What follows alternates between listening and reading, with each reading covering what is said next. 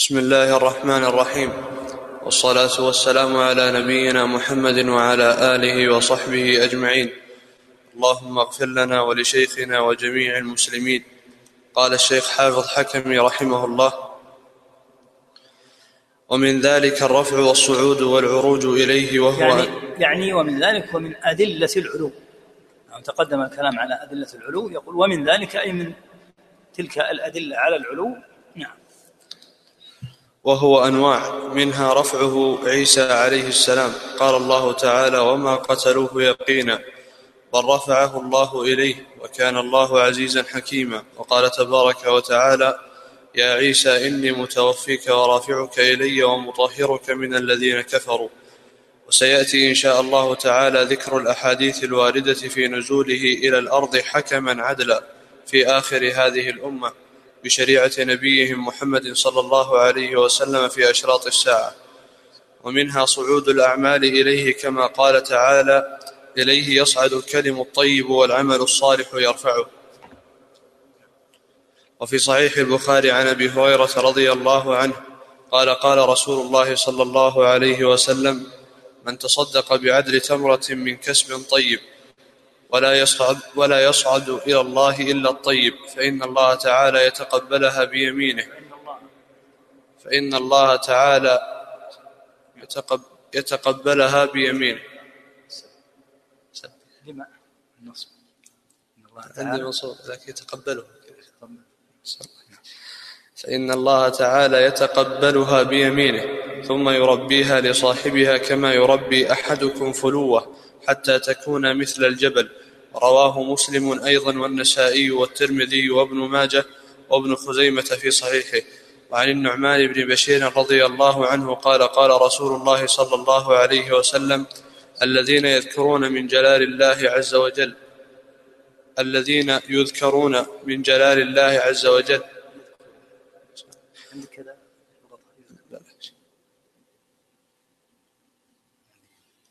الله يذكر نعم الذين يذكرون من جلال الله عز وجل من تسبيحه وتكبيره وتحميده وتهليله يتعاطفن حول العرش لهن دوي كدوي النحل يذكرن بصاحبهن.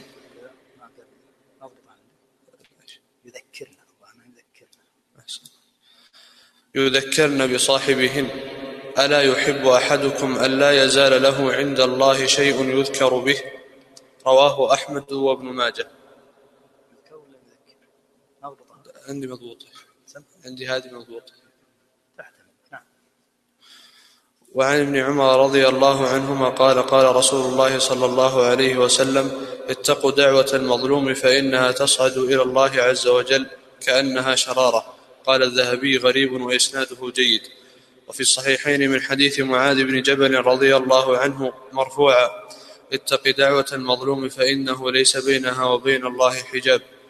وعن أبي موسى الأشعري رضي الله عنه قال قال رسول الله صلى الله عليه وسلم إن الله لا ينام ولا ينبغي له أن ينام يخفض القسط ويرفعه يرفع إليه عمل الليل قبل النهار وعمل النهار قبل الليل حجابه النور لو كشفه لأحرقت سبحات وجهه ما انتهى إليه بصره من خلقه. وفي ذلك احاديث وفي ذلك أحاديث لا تحصى في الصحيحين وغيرهما. من أدلة العلو التصريح بصعود الأشياء إلى الله عز وجل وعروجها إليه. من ذلك رفع عيسى. رفع عيسى منصوص أنه رفع إلى الله عز وجل كما قال تعالى بل رفعه الله إليه فهو مرفوع إلى الله عز وجل. وهكذا العمل الصالح والكلام الطيب. قال تعالى إليه يصعد. إليه يصعد الكلم الطيب. الكلام الطيب يصعد إلى الله عز وجل وهذا دليل على من أدلة العلو أيضا صعود الأعمال. فرفع عيسى دليل. داخل هذا النوع. وصعود الأعمال إلى الله عز وجل دليل. من تصدق بعدل تمرة من كسب طيب ولا يصعد إلى الله إلا الطيب؟ على أي شيء؟ إلا على أن الله تعالى في العلو لأن الأعمال تصعد إليه. وعلى أن الرب في العلو لذلك رفع عيسى إليه تعالى وهكذا التسبيح والتهليل والتكبير والتحميد. هذه الكلمات الطيبة والباقيات الصالحات تتعاطف حول العرش. لهن دوي بإذن الله عز وجل كدوي النحل يذكرن بصاحبهن. وهذا في فضل التسبيح والتحميد والتهليل. ألا تحبون ألا يحب أحدكم أن لا يزال له عند الله شيء يذكر, يذكر به؟ لها دوي بإذن الله عز وجل كدوي النحل لها هذا الصوت للتسبيحات والتحميدات والتهليلات والتكبيرات وهذا فيه فضل هذا الذكر العظيم. وهكذا قوله صلى الله عليه وسلم في دعوة المظلوم فإنها تصعد إلى الله كأنها شرار يعني أنها نسأل الله العافية والسلامه دعوة المظلوم ترتفع إلى الله عز وجل يعني يرفع دعوته إليه تعالى. وهكذا قوله يرفع إليه عمل الليل قبل عمل قبل النهار. أدلة كلها دالة على علو الله عز وجل لأن الشيء الذي يرفع إليه تعالى لأن الشيء يرفع إليه تعالى. نعم. ومنها صعود الأرواح إلى الله عز وجل. أعني أرواح المؤمنين. قال الله تبارك وتعالى إن الذين كذبوا بآياتنا واستكبروا عنها لا تفتح لهم أبواب السماء ولا يدخلون الجنة حتى يلج الجمل في سم الخياط. وروى الإمام أحمد من حديث البراء بن عازب الطويل في قبض الروح وفيه قال إن العبد المؤمن إذا كان في انقطاع من الدنيا وإقبال من الآخرة نزل إليه ملائكة من السماء بيض الوجوه كأن وجوههم الشمس معهم كفن من أكفان الجنة وحنوط من حنوط الجنة حتى يجلسوا منه مد البصر ثم يجيء ملك الموت حتى يجلس عند رأسه فيقول أيتها النفس الطيبة اخرجي إلى مغفرة من الله ورضوان. قال فتخرج فتسيل كما تسيل القطرة من في السقاء فيأخذها. فإذا أخذها لم يدعوها في يده طرفة عين حتى يأخذوها فيجعلوها في ذلك الكفن وفي ذلك الحنوط. ويخرج منها كأطيب نفحة مسك على وجه الأرض. قال فيصعدون بها فلا يمرون على ملأ من الملائكة إلا قالوا ما هذه الروح الطيبة؟ فيقولون فلان ابن فلان بأحسن أسمائه التي كانوا يسمونه في الدنيا حتى ينتهوا إلى سماء الدنيا فيستفتحون له فيشيعه من كل سماء مقربوها إلى السماء التي تليها حتى ينتهوا بها إلى السماء السابعة. فيقول الله تعالى اكتبوا كتاب عبدي في عليين وأعيد وأعيدوه إلى الأرض فإني منها خلقتهم وفيها أعيدهم ومنها أخرجهم تارة أخرى. وذكر الحديث وسيأتي إن شاء الله بطوله.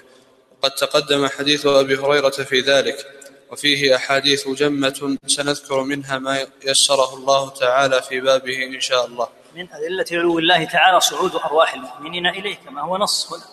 قال فيصعدون بها فلا يمرون على ملأ من الملائكة إلا قالوا ما هذه الروح الطيبة إلى قوله حتى ينتهي ينتهوا بها إلى السماء السابعة. والله تعالى فوق عرشه فوق السماء السابعة سبحانه. كل هذا من الدلائل. صعود الأرواح إلى الله تبارك وتعالى دلالة على علوه عز اسمه نعم. ومنها عروج الملائكة والروح إليه. قال الله تبارك وتعالى من, من الله ذي المعارج تعرج الملائكة والروح إليه. وفي الصحيحين عن أبي هريرة رضي الله عنه أن رسول الله صلى الله عليه وسلم قال يتعاقبون فيكم ملائكة بالليل وملائكة بالنهار. ويجتمعون في صلاة العصر وصلاة الفجر. ثم يعرج الذين باتوا فيكم فيسألهم وهو أعلم بهم فيقول كيف تركتم عبادي؟ فيقولون تركناهم وهم يصلون وأتيناهم وهم يصلون. وعنه رضي الله عنه عن النبي صلى الله عليه وسلم قال إن لله تبارك وتعالى ملائكة يطوفون في الطرق يلتمسون أهل الذكر. فإذا وجدوا قوما يذكرون الله تعالى تنادوا هل هلموا إلى حاجتكم؟ قال فيحفونهم بأجنحتهم إلى السماء الدنيا. قال فيسألهم ربهم عز وجل وهو أعلم منهم ما يقول عبادي؟ قال يقولون يسبحونك ويكبرونك ويحمدونك ويمجدونك. قال فيقول تعالى هل رأوني؟ قال فيقولون لا والله ما رأوك. قال فيقول وكيف لو رأوني؟ قال يقولون لو رأوك كانوا لك أشد عبادة وأشد لك تمجيدا وأكثر لك تسبيحا. قال يقول فما يسألوني؟ قال يقولون يسألونك الجنة. قال يقول وهل رأوها؟ قال يقولون لا والله يا رب ما رأوها. قال يقول فكيف لو أنهم رأوها؟ قال يقولون لو أنهم رأوها كانوا أشد عليها حرصا وأشد لها طلبا وأعظم فيها رغبة. قال فمما يتعوذون قال يقولون من النار. قال يقول وهل رأوها؟ قال يقولون لا والله ما رأوها. قال يقول كيف لو رأوها؟ قال يقولون لو رأوها كانوا أشد منها فرارا وأشد لها مخافة. قال فيقول فأشهدكم أني قد غفرت لهم. قال يقول ملك من الملائكة فيهم فلان ليس منهم إنما جاء لحاجة. قال هم الجلساء لا يشقى بهم جليسهم. متفق عليه وهذا لفظ البخاري.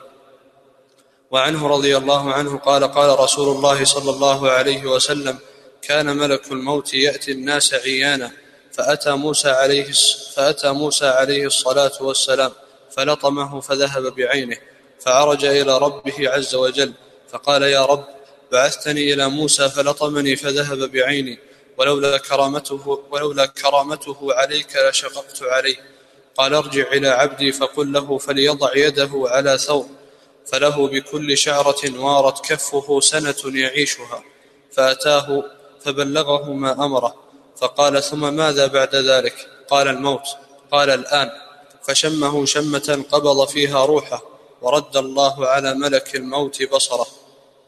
وفي لفظ فلطم عينه ففقأها فرجع فقال أرسلتني إلى عبد لا يريد الموت.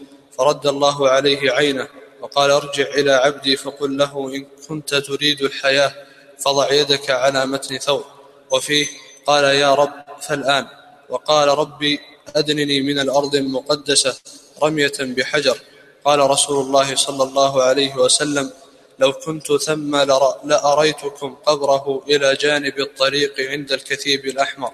متفق عليه. من الأدلة أيضا عروج كل هذا داخل في العروج عروج الملائكة وعروج الروح إليه عز وجل. قال تعالى تعرج الملائكة والروح إليه.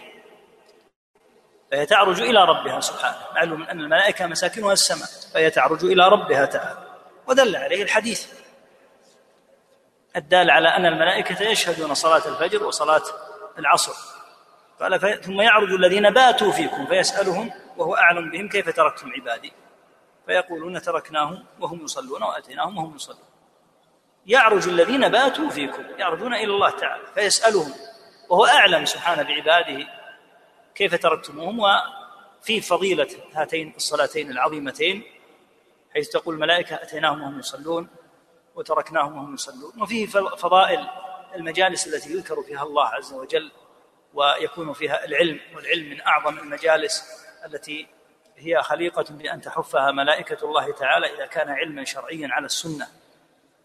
فتحفهم وتذكر الملائكة إذا عرجت إلى ربها أن هؤلاء العباد يسبحون ويحمدون ويمجدون فيسألهم ربهم وهو أعلم هل رأوني وهكذا الجنة هل رأوها وهكذا النار هل رأوها؟ تكون العاقبة أن أشهدهم سبحانه وتعالى وكفى بالله شهيدا أن أشهدهم أنه قد غفر لهم. فيقول ملك فيهم فلان إنما جاء لحاجة ما جاء للعلم فقال هم الجلساء لا يشقى بهم جليسهم جاء لحاجة معينة فجلس معهم انتظارا لفراغهم ولحاجة يقضيها. فقال هم القوم لا يشقى بهم جليسهم. وهكذا ملك الموت كان يأتي الناس جهرة ويقبض الروح فجاء بصورته البشرية إلى موسى عليه الصلاة والسلام وكان موسى عليه الصلاة والسلام قويا حديدا عليه الصلاة الله وسلامه فلطمه على وجهه فذهبت عينه فعرج ملك الموت إلى ربه. هذا الشاهد وقال إنك بعثني إلى موسى ولولا كرامته عليك لشققت عليه. فقال له تعالى مره فليضع يده على متن ثور فله بكل ما أصابت يده من شعر سنة. الله تعالى أعلم بأنبيائه الكرام وبعلمهم به تعالى. فلما خير بأن يضع يده فيكون له شعر الثور كثير جدا. فإذا وضع يده فستصيب يده فستصيب يده يده شعرا كثيرا. وله بكل شعرة سنة يبقاها. قال فالآن. عليهم صلاة الله وسلامه عليه الصلاة والسلام فطلب من ربه أن يدنيه إلى الأرض المقدسة. يقول صلى الله عليه وسلم لو كنت ثم يعني هناك لأريتكم قبره إلى جانب الطريق عند الكثيب الأحمر. لأنه قبر يمكن أن يعرف. ويتبين موضعه لكن الآن لا يتبين ولا يتضح. فالشاهد أن الحديث دال على علو الله لأن فيه أن الملائكة تعرج وهكذا الروح تعرج الملائكة والروح فإن الروح أيضا تعرج إلى بارئها سبحانه. نعم. ومن ذلك معراج نبينا محمد صلى الله عليه وسلم إلى سدرة المنتهى وإلى حيث شاء الله عز وجل كما ثبتت به الأحاديث الصحيحة المشهورة في الصحيحين وغيرهما. قال البخاري رحمه الله تعالى باب المعراج.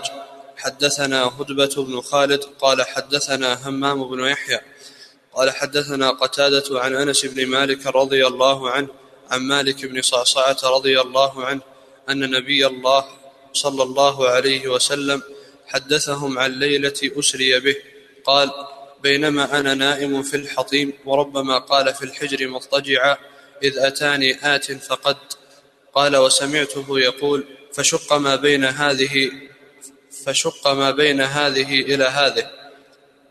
فقلت للجارود وهو إلى جنبي قال من ثغرة نحره إلى شعرته. وسمعته يقول من قص من, من قصه من قصه. إلى شعرته فاستخرج قلبي ثم أتيت بطست من ذهب مملوءة إيمانا. فغسل قلبي ثم حشي ثم أعيد ثم أتيت بدابة دون البغل وفوق الحمار أبيض. فقال له الجارود هو البراق يا أبا حمزة. فقال أنس نعم يضع خطوه عند أقصى طرفه. فحملت عليه فانطلق بي جبريل. حتى أتى السماء الدنيا فاستفتح فقيل من هذا؟ قال جبريل. قيل ومن معك؟ قال محمد. قيل وقد أرسل إليه؟ قال نعم. قال قيل مرحبا به فنعم المجيء جاء. ففتح فلما خرست فإذا فيها آدم فقال هذا أبوك آدم فسلم عليه فسلمت عليه فرد السلام ثم قال مرحبا بالابن الصالح والنبي الصالح. ثم صعد حتى أتى السماء الثانية فاستفتح. قيل من هذا؟ قال جبريل. قيل ومن معك؟ قال محمد صلى الله عليه وسلم. قيل وقد أرسل إليه. قال نعم. قيل مرحبا به فنعم المجيء جاء. ففتح فلما خلصت فإذا بيحيى وعيسى وهما ابن الخال قال هذا يحيى وعيسى فسلم عليهما. فسلمت فردا ثم قال مرحبا بالأخ الصالح والنبي الصالح. ثم صعدت إلى السماء الثالثة فاستفتح. قيل من هذا؟ قال جبريل. قال ومن معك؟ قال محمد صلى الله عليه وسلم. قيل وقد أرسل إليه؟ قال نعم. قيل مرحبا به فنعم المجيء جاء. ففتح فلما خرجت إذا يوسف. قال هذا يوسف فسلم عليه. فسلمت عليه فرد. ثم قال مرحبا بالأخ الصالح والنبي الصالح. ثم صعد بي حتى أتى السماء الرابعة فاستفتح. قيل من هذا؟ قال جبريل. قيل ومن معك؟ قال محمد صلى الله عليه وسلم. قيل وقد أرسل إليه؟ قال نعم. قيل مرحبا به فنعم المجيء جاء. ففتح فلما خرجت إذا إدريس. قال هذا إدريس فسلم عليه. فسلمت عليه فرد. ثم قال مرحبا بالأخ الصالح والنبي الصالح. ثم صعد بي حتى ثم صعد بي حتى أتى السماء الخامسة فاستفتح. قيل من هذا؟ قال جبريل. قيل ومن معك؟ قال محمد صلى الله عليه وسلم. قيل وقد أرسل إليه؟ قال نعم. قيل مرحبا به فنعم المجيء جاء. فلما خلصت فإذا هارون؟ فقال هذا هارون فسلم عليه. فسلمت عليه فرد. ثم قال مرحبا بالأخ الصالح والنبي الصالح. ثم صعد بي حتى أتى السماء السادسة فاستفتح قيل من هذا؟ قال جبريل. قيل ومن معك؟ قال محمد صلى الله عليه وسلم. قيل وقد أرسل إليه قال نعم. قيل مرحبا به فنعم المجيء جاء. فلما خلصت فإذا موسى قال هذا موسى فسلم عليه. فسلمت عليه فرد. ثم قال مرحبا بالأخ الصالح والنبي الصالح. فلما تجاوزت بكى. قيل له ما يبكيك؟ قال أبكي لأن غلاما بعث بعد بعث بعدي يدخل الجنة من أمته أكثر مما يدخلها من أمتي. ثم صعد بي إلى السماء السابعة فاستفتح جبريل. قيل من هذا؟ قال جبريل. قيل ومن معك؟ قال محمد. قيل وقد أرسل إليه. قال نعم. قال مرحبا به فنعم المجيء جاء. فلما خلصت فإذا إبراهيم. قال هذا أبوك فسلم عليه. قال فسلمت عليه فرد السلام. قال مرحبا بالابن الصالح والنبي الصالح. ثم رفعت إلى سدرة المنتهى فإذا نبقها مثل قلال هجر وإذا أوراقها مثل آذان الفيلة. قال هذه سدرة المنتهى وإذا أربعة أنهار نهران ظاهران ونهران باطنان. فقلت ما هذا يا جبريل؟ قال أم؟ قلت فقلت ما هذا يا جبريل؟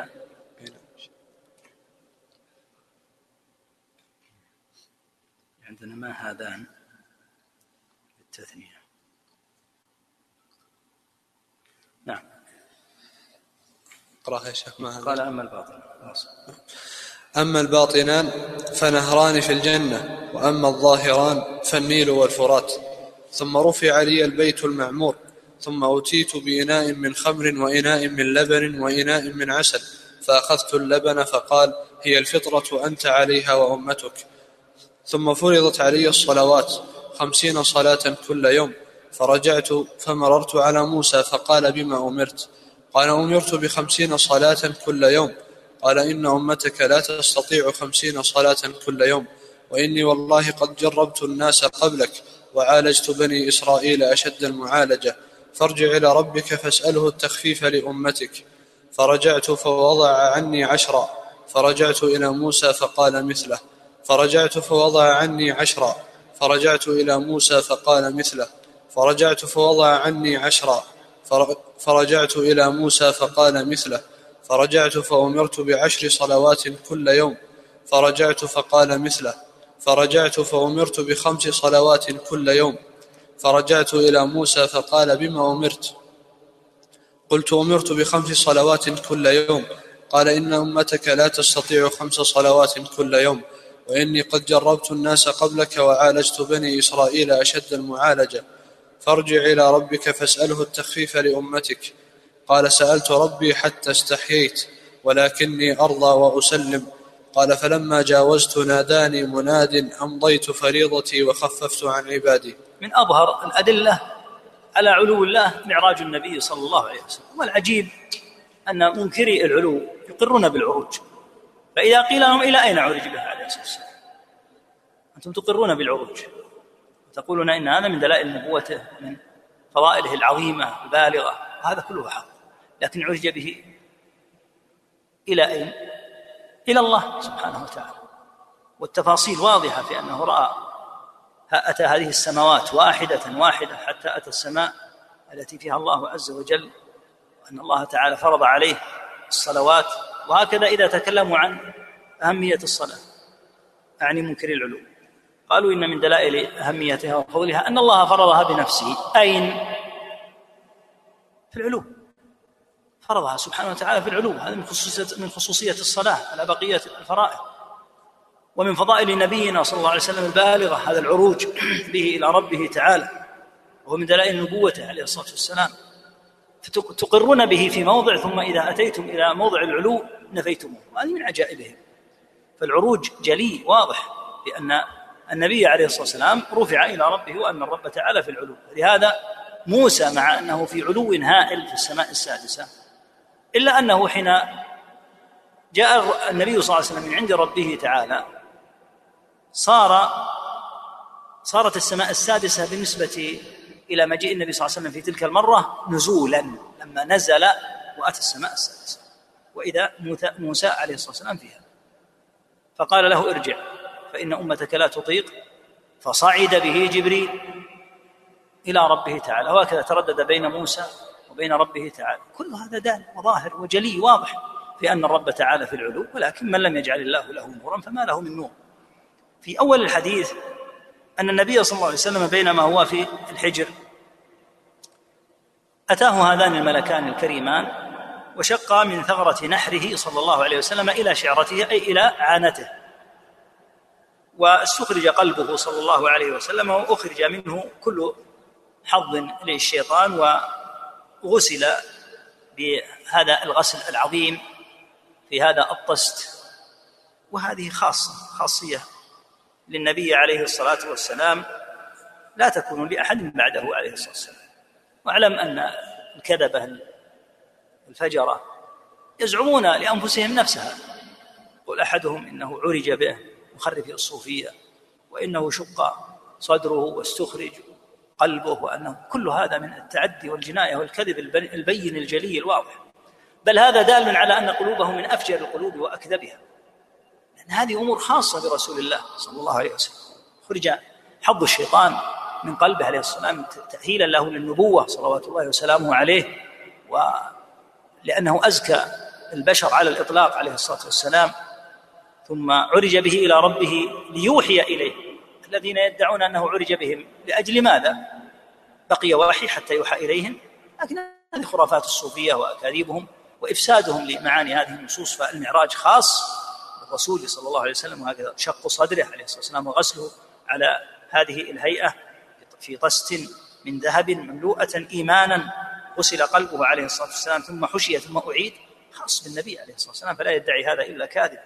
إنما يكون هذا لرسول الله صلى الله عليه وسلم. الحاصل أن الحديث دال دلالة جلية على أن الرب تعالى في العلو وهذا هو النوع الثالث من الخامس من مما ذكر في العروج وهو العروج بالنبي صلى الله عليه وسلم. بعد أن ذكر العروج بعيسى وذكر عروج الملائكة صعود الأعمال عروج الأرواح. نعم. ومن ذلك التصريح بنزوله تبارك وتعالى كما في الصحيحين عن أبي هريرة رضي الله عنه قال قال رسول الله صلى الله عليه وسلم ينزل ربنا كل ليلة إلى سماء الدنيا حين يبقى ثلث الليل الآخر فيقول من يدعوني فأستجيب له. من يسأل من يسألني فأعطيه. من يستغفرني فأغفر له. وقد ثبت في ذلك أحاديث كثيرة عن نحو ثلاثين صحابيا. وقد ثبت. وقد ثبت. في ذلك أحاديث وقد ثبت في ذلك أحاديث كثيرة عن نحو ثلاثين صحابيا. وقد ثبت أيضا نزوله تبارك وتعالى ليلة النصف من شعبان وعشية عرفة. وعند فناء الخلق حين ينزل إلى السماء الدنيا فينادي لمن الملك اليوم؟ لله الواحد القهار. كذا نزوله تعالى لفصل القضاء بين عباده كما يشاء وعلى ما يليق بجلاله وعظمته. وسيأتي إن شاء الله تعالى بسط ذلك كله في آخر هذا الفصل من المتن. من ذلك التصريح بنزول الرب تعالى، الدلالة على هذا كثيرة، الله تعالى ينزل إلى سماء الدنيا حين يبقى ثلث الليل الآخر فيقول من يدعوني فأستجيب له، من يسألني فأعطيه، من يستغفرني فأغفر له، وذلك كل ليلة.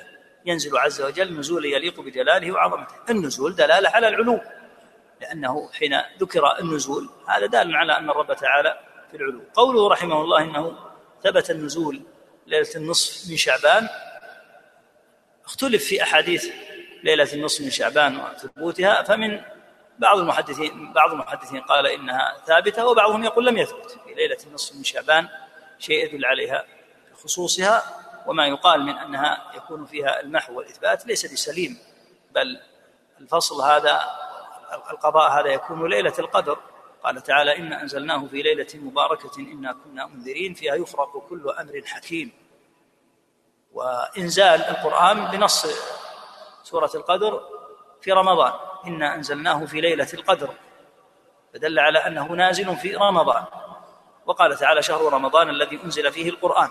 فلما ذكر الله أن هذا أن هذه الآية التي أن هذه الليلة التي نزل فيها القرآن فيها يفرق كل أمر حكيم دل على أن ذلك يكون التقدير السنوي يكون ليلة, ليلة القدر لا ليلة النصف من شعبان.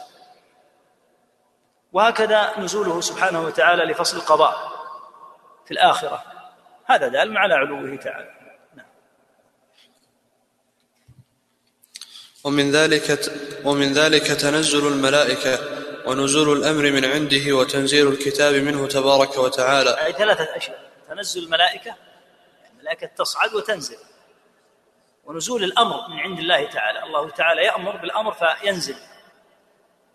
وهكذا إنزال الكتاب نعم قال الله تعالى ننزل الملائكة بالروح من أمره على من يشاء من عباده وقال حكاية عنهم وما نتنزل إلا بأمر ربك له ما بين أيدينا وما خلفنا وما بين ذلك وما كان ربك نسيا قال تعالى يدبر الأمر من السماء إلى الأرض ثم يعرج إليه وقال تعالى الآية وقال تعالى الله الذي خلق سبع سماوات ومن الأرض مثلهن يتنزل الأمر بينهن وقال تعالى يا أيها الذين آمنوا آمنوا بالله ورسوله والكتاب الذي يا أيها الذين آمنوا آمنوا بالله ورسوله والكتاب الذي نزل على رسوله والكتاب الذي أنزل من قبل ومن يكفر بالله وملائكته وكتبه ورسله واليوم الآخر فقد ضل ضلالا بعيدا وقال تعالى نزل عليك الكتاب بالحق كتاب أنزلناه إليك وهذا ذكر مبارك أنزلناه تنزيل الكتاب لا ريب فيه من رب العالمين. تنزيل الكتاب من الله العزيز الحكيم. إنا أنزلنا إليك الكتاب بالحق فاعبد الله مخلصا له الدين. تنزيل الكتاب من الله العزيز العليم. تنزيل من الرحمن الرحيم. تنزيل من حكيم حميد. وقرآنا فرقناه لتقرأه على الناس على مكث ونزلناه تنزيلا. وإنه لتنزيل رب العالمين. نزل به الروح الأمين. على قلبك لتكون من المنذرين.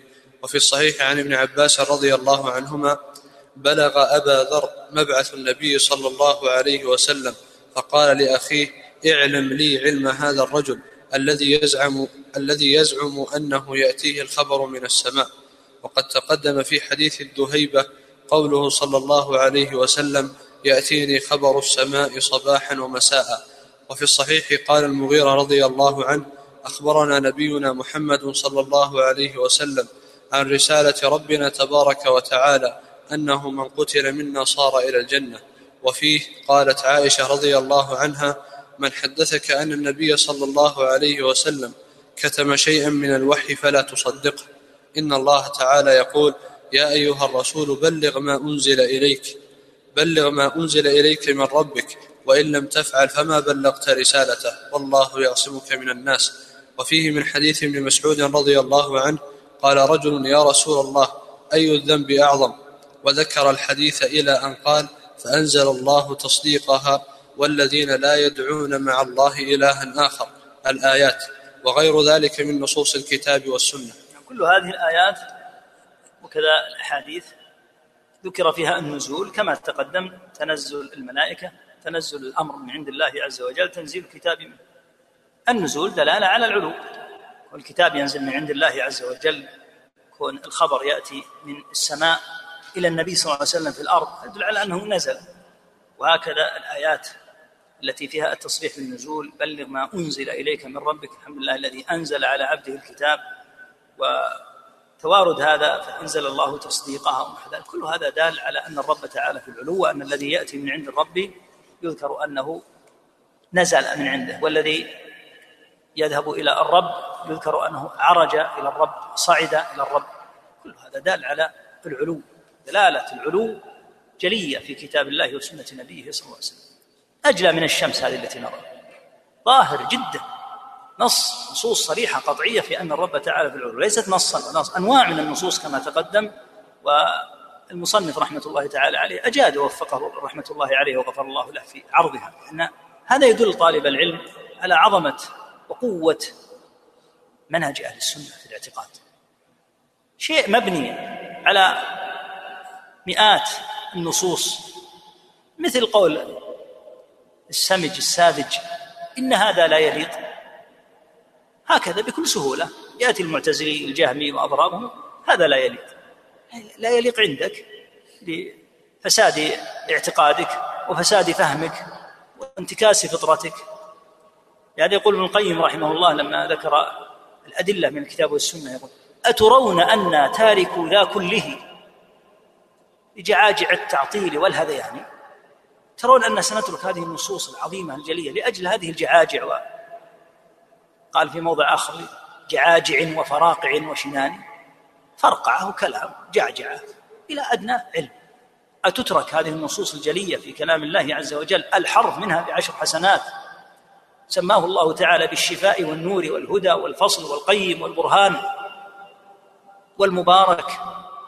يترك هذا كله لأجل أن الجهم بن صفوان لم يقتنع ولأجل أن من ضل من الضالين الزائغين من المعتزلة والجهمية وأضرابهم ومن نحى نحوهم الأشاعرة والماتريدية وأضرابهم ويترك كلام النبي صلى الله عليه وسلم الذي لا ينطق عن الهوى ويترك إجماع الصحابة والتابعين رضي الله تعالى عنهم وأرضاهم وتترك الفطرة ويترك العقل السوي الصحيح لا العقول المدعاة يترك كل هذا لأن ثمة ضالا زائغا لم يقتنع به.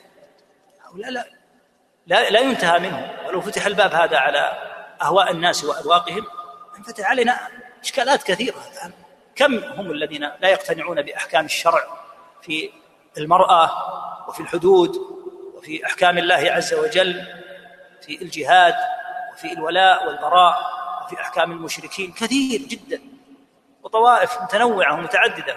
يترك هذا الجلي في كتاب الله عز وجل لأجل أهواء الناس. لا يكون للناس دين في هذه الحالة لأن الناس لهم أذواق وأمزجة تتلون وتتغير.